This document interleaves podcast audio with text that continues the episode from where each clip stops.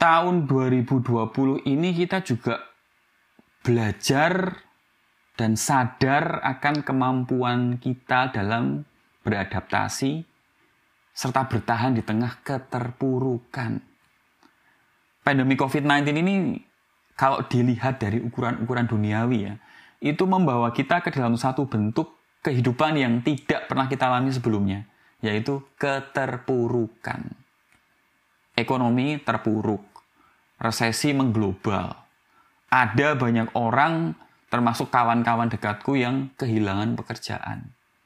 Ada juga kawanku yang seorang pengusaha, awal pandemik sekitar bulan Maret lalu itu, ku telepon, dia bingung.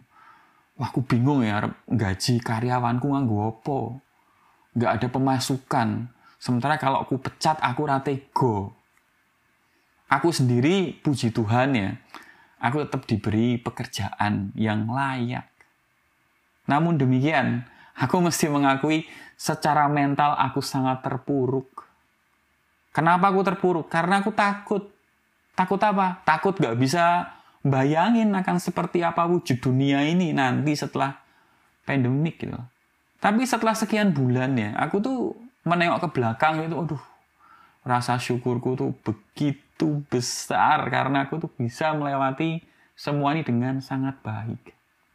Dan kok dipikir-pikir, yang membuat kita mampu untuk melakukan itu semua itu karena kita diberi anugerah yang namanya adaptasi.